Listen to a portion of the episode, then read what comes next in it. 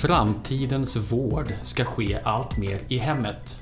Vi har talat om det förut och nu är det dags att fördjupa samtalet kring den omställning som den svenska vårdapparaten står inför. Som inte bara påverkar offentlig sektor utan hela samhällskontraktet, individens ansvarstagande för sina nära och kära och en mängd tekniklösningar som kommer förändra hur svensk vård ser ut i grunden. Varmt välkomna till Framtidsstudion. Jag heter Fredrik Thorberger. Ja, varmt välkomna tillbaka till Framtidsstudion och den här gången har vi återbesök av min kollega Mats Olsson som jobbar inom området Health and Healthcare. Välkommen tillbaka till Framtidsstudion Mats. Ja, roligt att vara här igen. Mm. Vi eh, hittade ju både det ena och det andra förra gången som vi behövde fortsätta att prata om. Ja, vi hade lite eftersnack där när vi hade stängt av mikrofonerna. Det var helt uppenbart att det fanns mer att eh, prata om på det här enormt viktiga området som med någon slags övergripande rubrik handlar om framtidens sjukvård och nära vård. Eh, vi var inne på många olika teman för det är många människor och aktörer som påverkas. Ge oss en snabb liten återblick. Vad var det viktigaste förra gången tycker du? Mycket kretsar väl då kring den bok som jag skrev för något år sedan eller så som heter Nära liv, nära vård. Jag tycker väl att om jag försöker dra mig till minnes lite grann här, så det var väl kanske kring fyra block som det, vårt samtal handlade väldigt mm. mycket. Va? Omstruktureringen, varför nära vård och så vidare. Varför lämna sjukhusen för varför en annan lämna typ? sjukhusen, ja. lite så. Och där var vi inne på ett antal olika aspekter med den stora ökningen av antalet äldre och behovet av att eh, de får en lugn och trygg vård någon annanstans än inne på ett sjukhus. Just det. Eh, kostnadsaspekter kring detta. Så mycket billigare att göra det bra hemma hos någon än att göra det på sjukhuset. Mm. Så det var saker. Och att, vi var också inne på det där med att det här är ju övergripande politiska beslut. Mm. Stora regeringsutredningar har hanterat det här och eh, förändringsarbete är igång även om det kanske inte är så uppenbart för folk i allmänhet att detta förändringsarbete pågår. Nej, jag har ju hört det här tack vare att jag jobbar nära dig så att ja. säga. Annars tycker inte jag direkt att jag uppfattat det. Det beror på naturligtvis vilka tidningar man läser och vilken bransch man är i så att säga. Men, men vi pratar om ett eh, fundamentalt skifte i mm. så att säga, samhällets och välfärdsleveransernas framtid. Så att säga. Absolut, och där, där, där, tror jag vi har en, en fråga vi eh, har all anledning att komma tillbaka till då i dagens samtal kring mm. just att det hörs så lite om denna stora förändring, vad mm. det då innebär. Men som av en händelse när vi står här nu den 25 februari och spelar in det här så i Dagens Industri så tas det här upp också. Du läste artikeln hörde jag. Ja, Bengt Arnets som jag för övrigt känner som är forskare och eh, jobbar i USA sedan ett antal år tillbaka. Han forskar väldigt mycket kring just eh, eh, hälsofrämjande, prevention och alla möjliga sådana frågor. Och han säger i den här artikeln att sjukhusvård det är dåligt för coronasmittade. Men nu är det med anledning av detta coronavirus som ställer till en massa oreda i världen. Mm.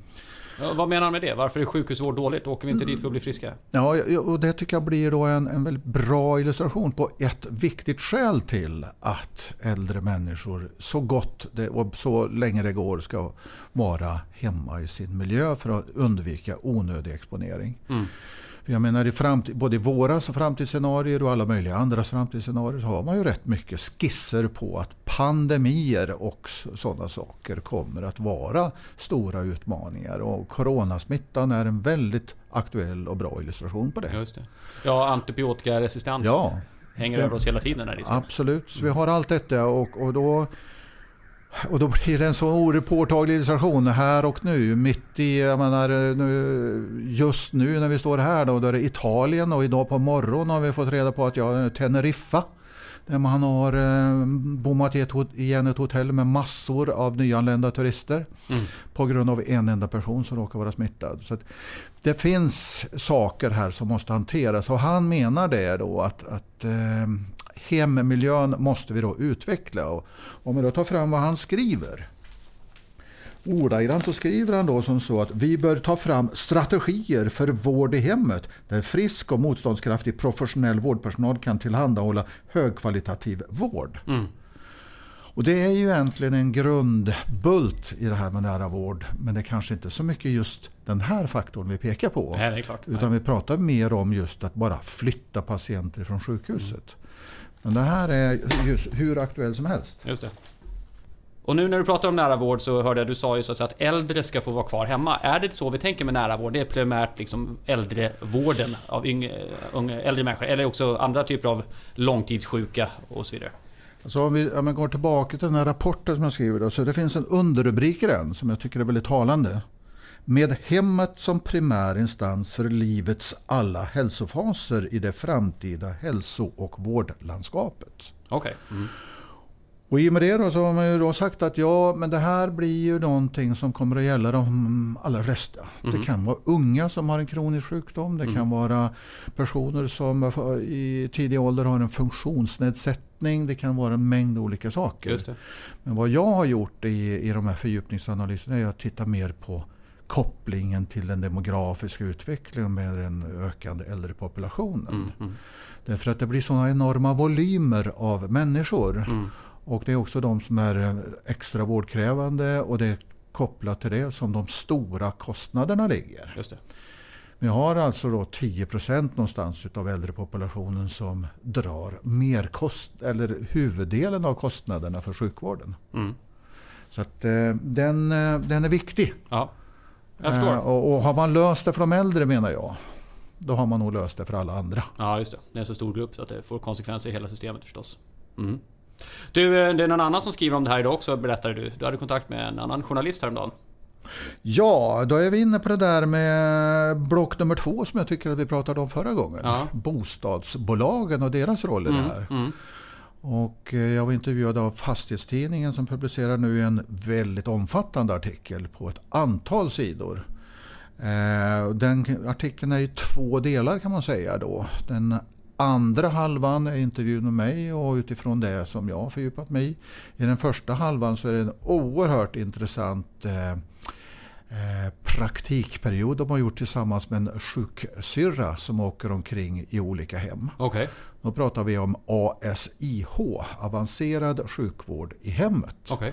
Hon jobbar med det och han, eh, journalisten får åka med då, inte besöka dem hon besöker, men åker med henne i bilen ja, mellan olika sådana här Eh, cancervård. Eh, alla möjliga knepiga situationer som ska hanteras i hemmiljön. Mm. Och han beskriver den enorma mängd av utrustning han har med sig. Okay. Väskor och det är eh, till och med har de med sig en våg. Bland alla möjliga grejer hon ja, går och bär på. Därför att en våg finns inte i alla hem. Nej, hon måste göra kontroller på en det ena än det andra. Hon ja. ska göra injektionsbehandlingar på cancersjuka. Hon ska göra mängder av kvalificerade insatser. Gör hon allt det här själv? Åker hon runt ensam alltså? De åker själva. Eh, och, och, han beskriver i artikeln då att de är väldigt många. Det är det här i en söderort i Stockholm som hon då jobbar i. Mm. Och de är då ett hundratal som åker omkring på det här viset.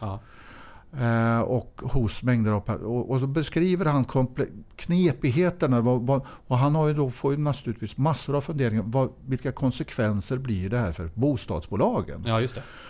Han intervjuar också någon då, VD på något bostadsbolag som då, och den här VDn är väl mer eller mindre ganska irriterad över att man inte har fått information om den expansion av det här som ska ske i hemmen. Ja, så, så vårdapparaten sträcker sig in så att säga i, i bostadsbestånden. Och så, Helt objudna. Ja, precis. Och ingen, ingen egentligen avstämning om det. Nej. Nej. Ja, det blir svårt. Och då handlar ju artikelns andra del om det. Ja, vad innebär det här då i det samtalet med mig då? Ja. När det gäller alla möjliga aspekter. För den som bor och som ska ha en vårdinsats mm. till exempel. Mm. Eller för den som ska göra insatsen i form av vårdpersonal mm. eller annan. Hur man kommer in, nu kommer man ut, vi var inne på det här lite grann i förra samtalet, hur man mm. kommer in, kommer ut och så här, Men nu blir det så oerhört konkret när hon beskriver specifika patienter. Mm.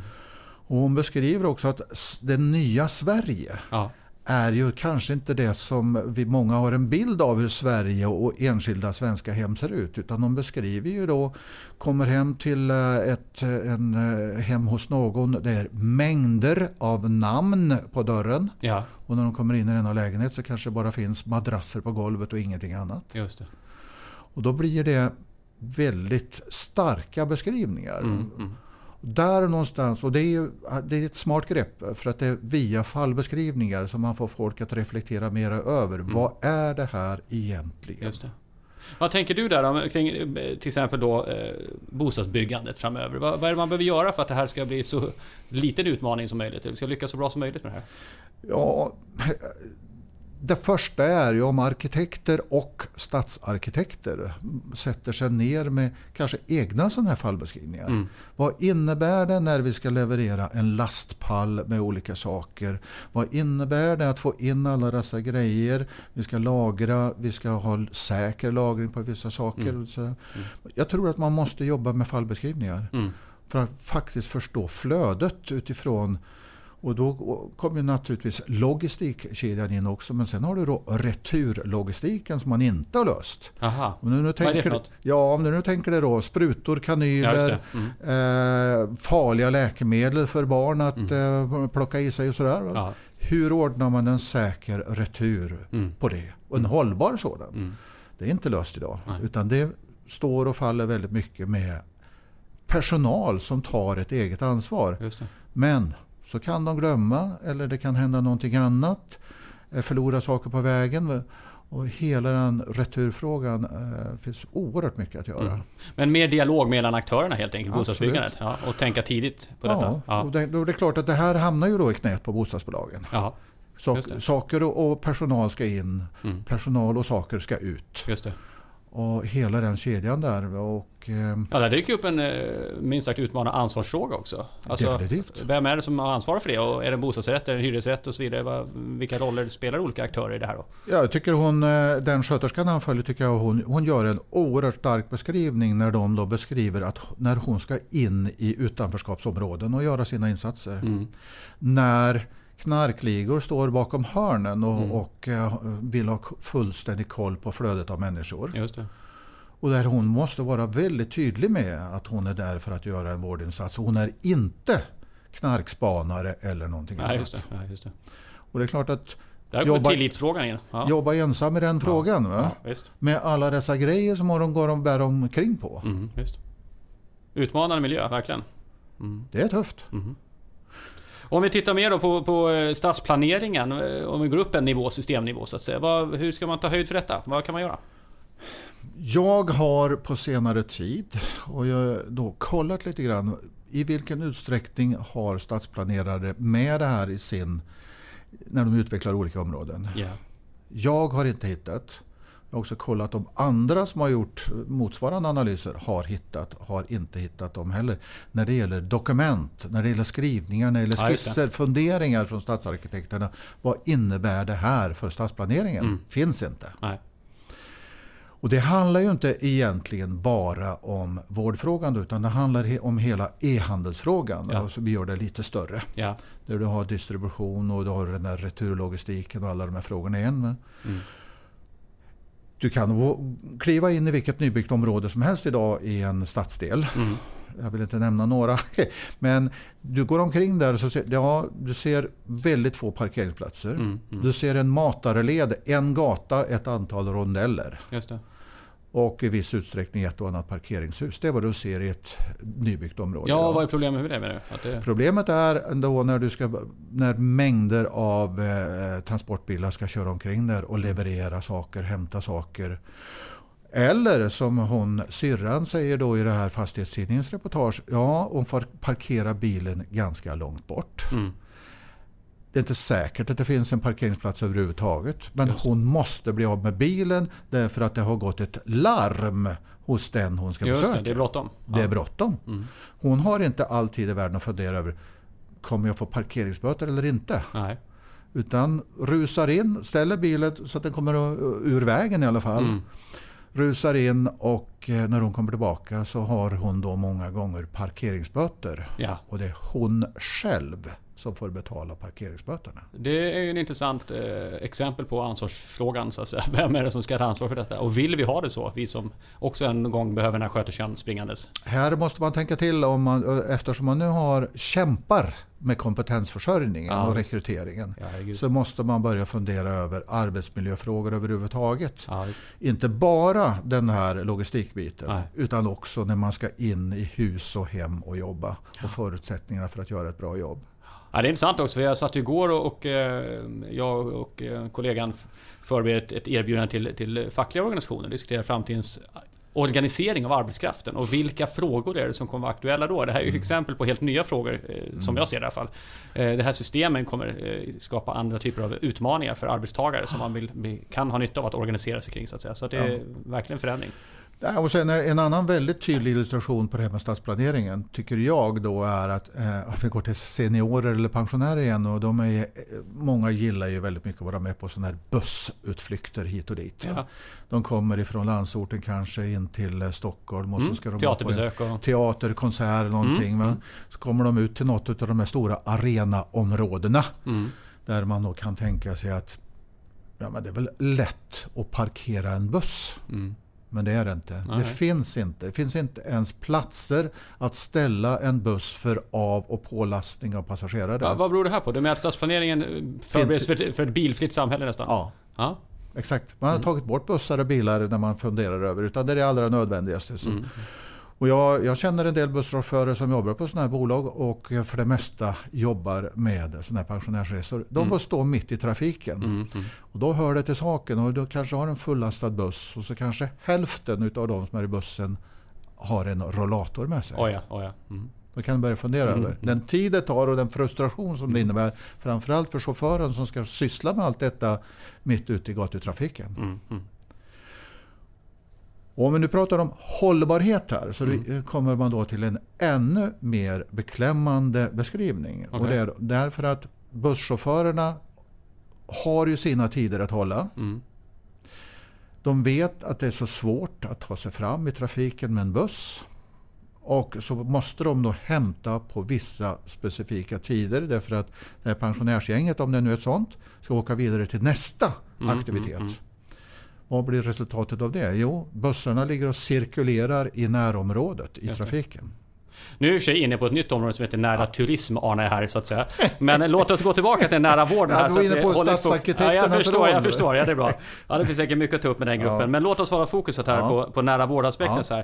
För du pratade också tidigare om bristerna i infrastrukturen för den här logistik, natur, returlogistiken. Vad händer med sakerna som har med vården att göra men som vi inte kan låta vem som helst hantera och inte bara lägga i soporna eller vad man nu sa. Och också återvinna naturligtvis, återanvända. Eh, men du pratade också om en digital samordning. Vad är det för något? Vad menar du där? Ja, jag tror att vi var inne på det lite snabbt förra gången när jag då pratade om samhällets kontrollrum. Mm, just. I förra samtalet vi pratade om det att jag ser det för olika nivåer. Mm. Allt ifrån den individuella nivån, mm. att jag får in data, jag får in information i min egen klocka eller smartphone eller vad det nu är. Kommer vi till kommunens nivå, regionens nivå, nationell nivå och det finns säkerligen nivåer däremellan. Mm där vi måste samordna det här. Det måste finnas ett kontrolltorn någonstans mm. på respektive nivå som ser till att synkroniseringen mellan olika insatser funkar. Så den här omställningen då från centraliserad vård till decentraliserad vård kommer i någon mening också ske, eh, följer, på det, följer på det göra som centraliseringen av överblick eh, och kontroll, säkerhet inte minst. Vi kan ju inte låta individen skydda sin digitala infrastruktur från alla tänkbara angrepp som kan dyka upp också. Ja, det är mycket sånt och, ja. och i förra samtalet tog jag också den här liknelsen då med flygledartornet ja, när vi ska ut och flyga. Mm. Då är vi alla angelägna om att det, att det finns någon där som har koll. Mm, och det blir motsvarande här. Liksom, och, och tryggheten för mm. äldre människor eller deras anhöriga. Mm. Får min gamla mor eller far sin leverans idag? Mm. Får de det besök som de utlovade? Mm. Finns det saker att rapportera som jag behöver ha reda på? Mm. Ja, och zoomar man ut den här bilden och tänker på eh, vad jag förstått som Bo Rothstein och andra pratar om att tilliten byggs av eh, fungerande institutioner i samhället.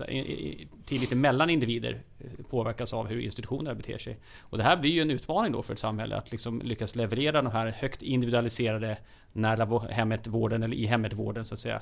För lyckas man inte med det och folk blir besvikna och så här, då kommer ju det påverka många relationer i samhället egentligen. Och hela mm. intresset förmodligen för att ha en skattefinansierad välfärd de som har råd kan välja att göra det via privata företag som har kanske eventuellt potentiellt en högre standard för att de tar mer betalt och så vidare. Medan andra får ta de överblivna resurserna. Mm, ja, och, och sen när, om vi är inne på bostadsbolagen då och hela denna mer eller mindre obefintliga rörlighet som är på bostadsmarknaden ja. på grund av eh, många äldre som inte har ekonomiska möjligheter att flytta mm. från det billiga boende man har.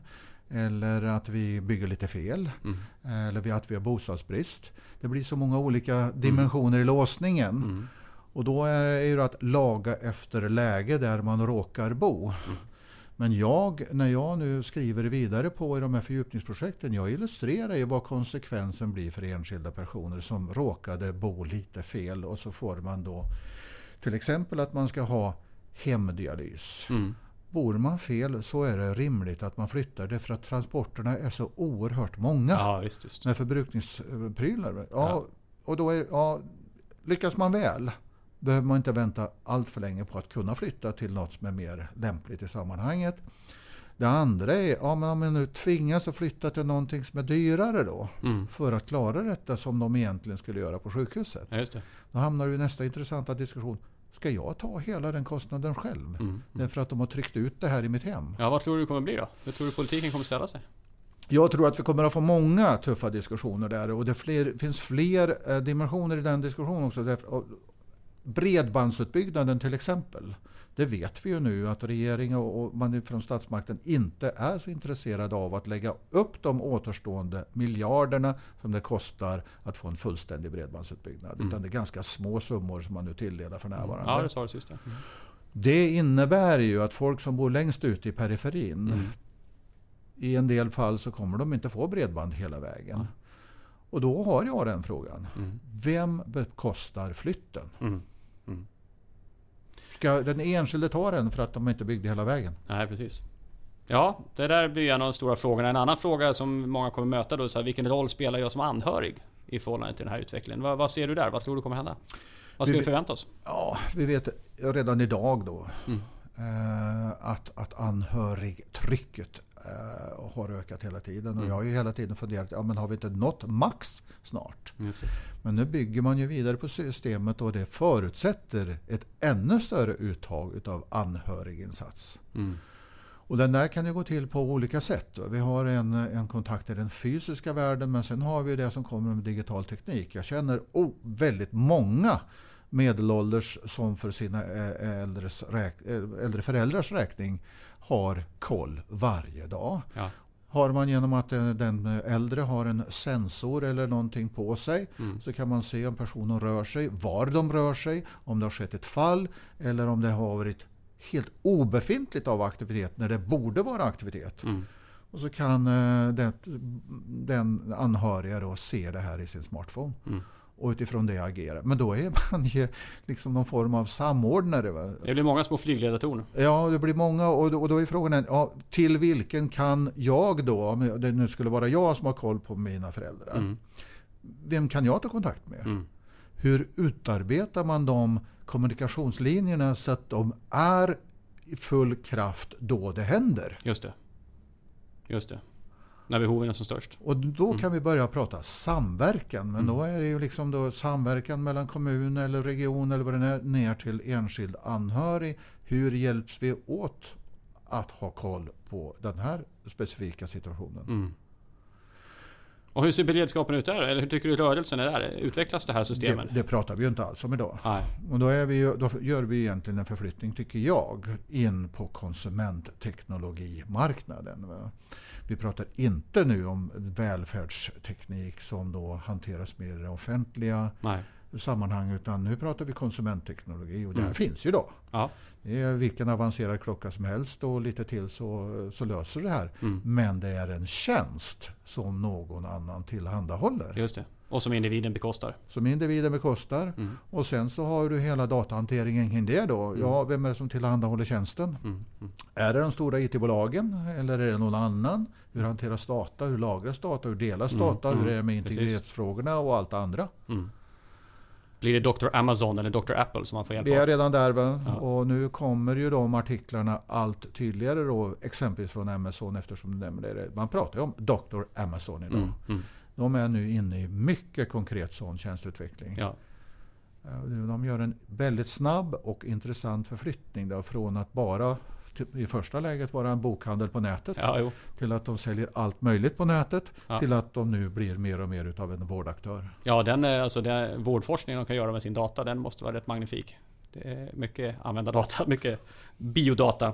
Ja, um, Du pratar här om att det är många eh, omställningar på gång så att säga och det finns en ganska låg beredskap, ett samtal som behöver komma igång.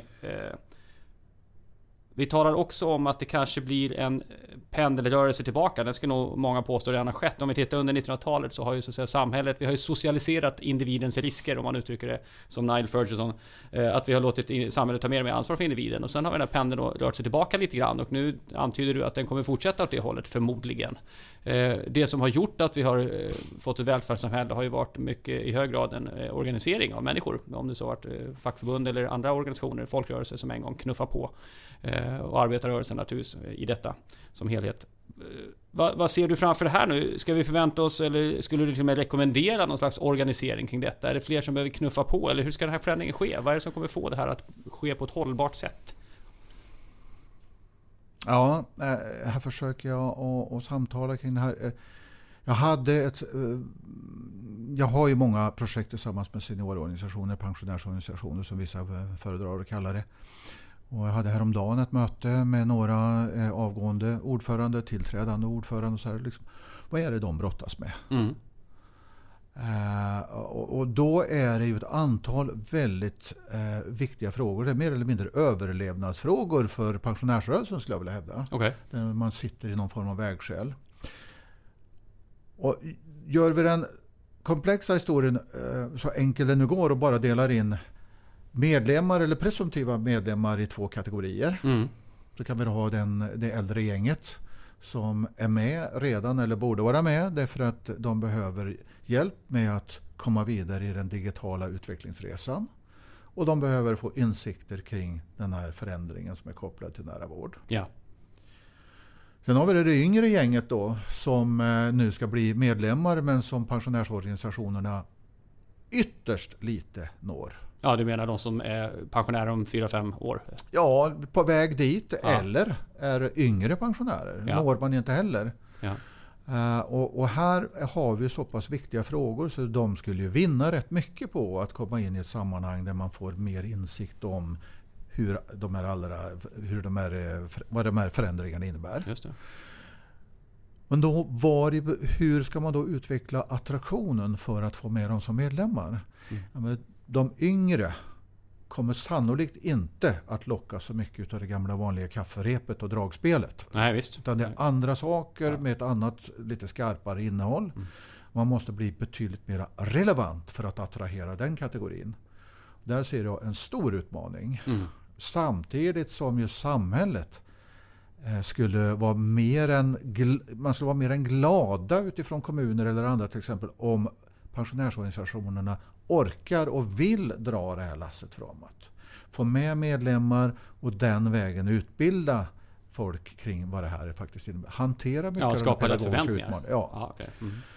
Så det är en stor fråga som vi diskuterar här om och de vet inte hur de ska hantera den. Nej. Nej, det är ju alltid utmaningen mm. också med organisationer som har funnits länge. Att eh, ska man på något sätt lyfta ett nytt tema som är mer relevant. Det är, det är ju en personlig förändring för alla, alla som är engagerade och ja. som har suttit med länge och som har det är lätt gjort att det ja. trillar på i, i gamla vanliga ja, spår. Uh, jag pratar med så pass många pensionärsorganisationer idag. Jag känner det här.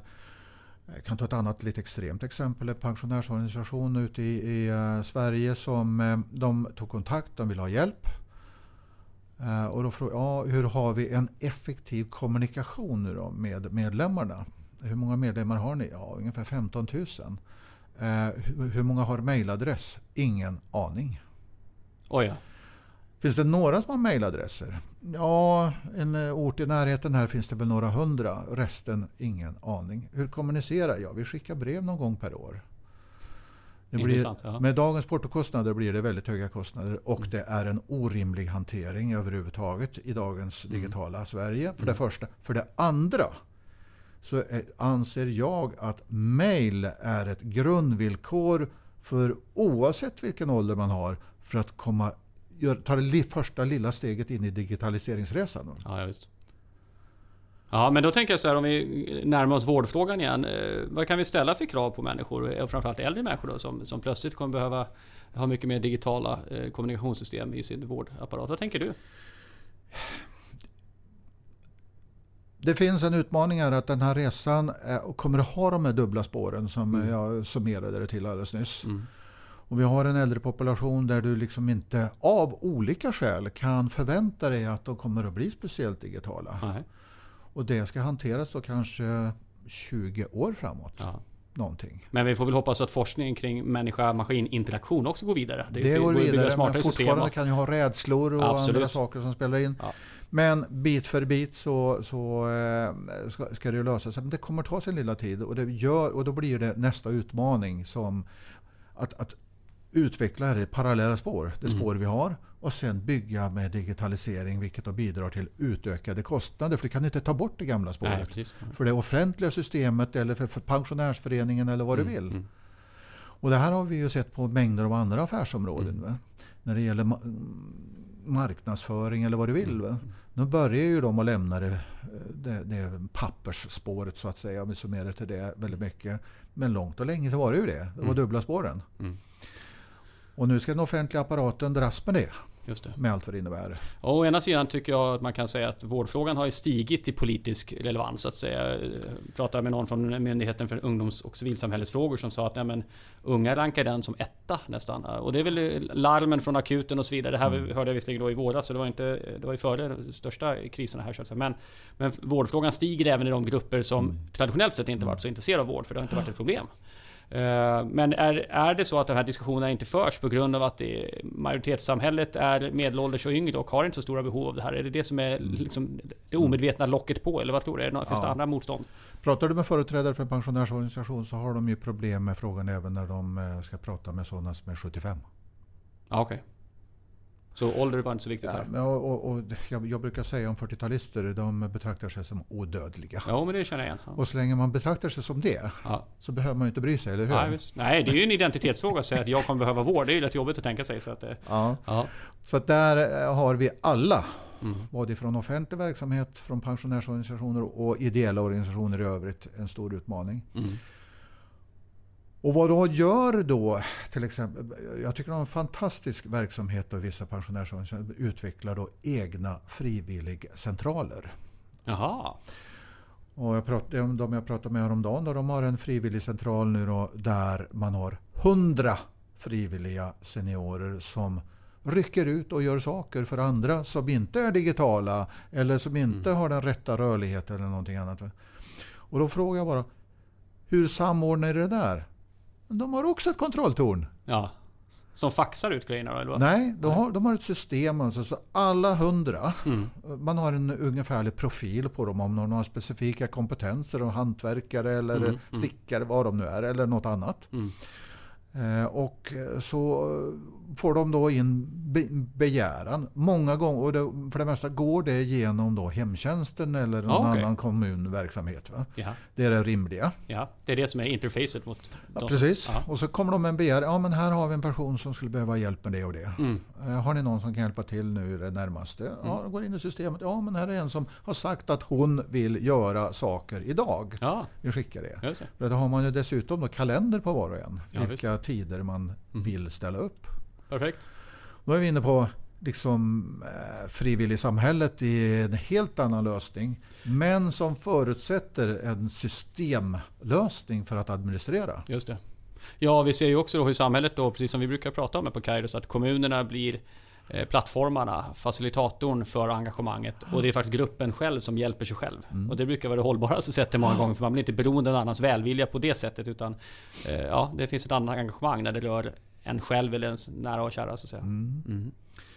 Men det är, för bara liksom, du, frågor du kommer in på där, då, liksom det, om man då kretsar kring anhörigtrycket och Mm. alla sådana här saker. Vad det är mer och mer som man förväntar sig att det hanteras av någon annan Mm. än det offentliga systemet. Mm. Mm. Och där tror jag att vi har en riktigt stor läxa och ett utvecklingsarbete att göra. Ett av problemen vi har i Sverige, med, eller utmaningarna vi har här, det är ju att vi har denna värderingsmässiga extremism. Hur menar du då extremism? Med hög grad av individualisering. Mm.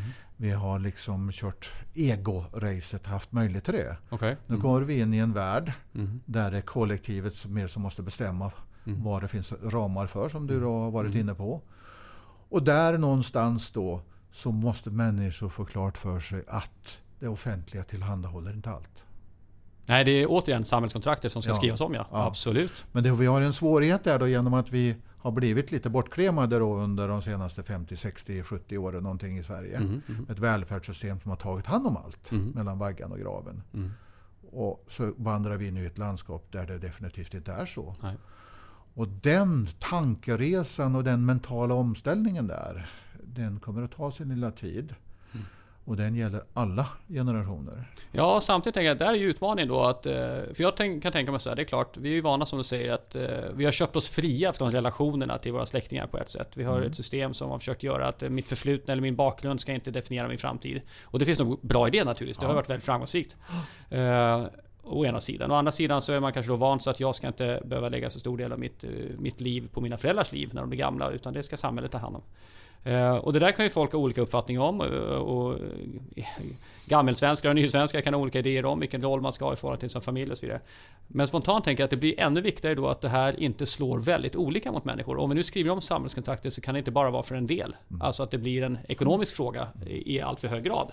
För då kommer det inte kännas lika okej som man vet, nej men det här är normalt att göra i Sverige. Nej, det finns inte längre något normalt utan vissa gör så och andra har råd att göra något annat. Och det där tror jag är en utmaning som är väldigt knepig och svår att motivera för en del.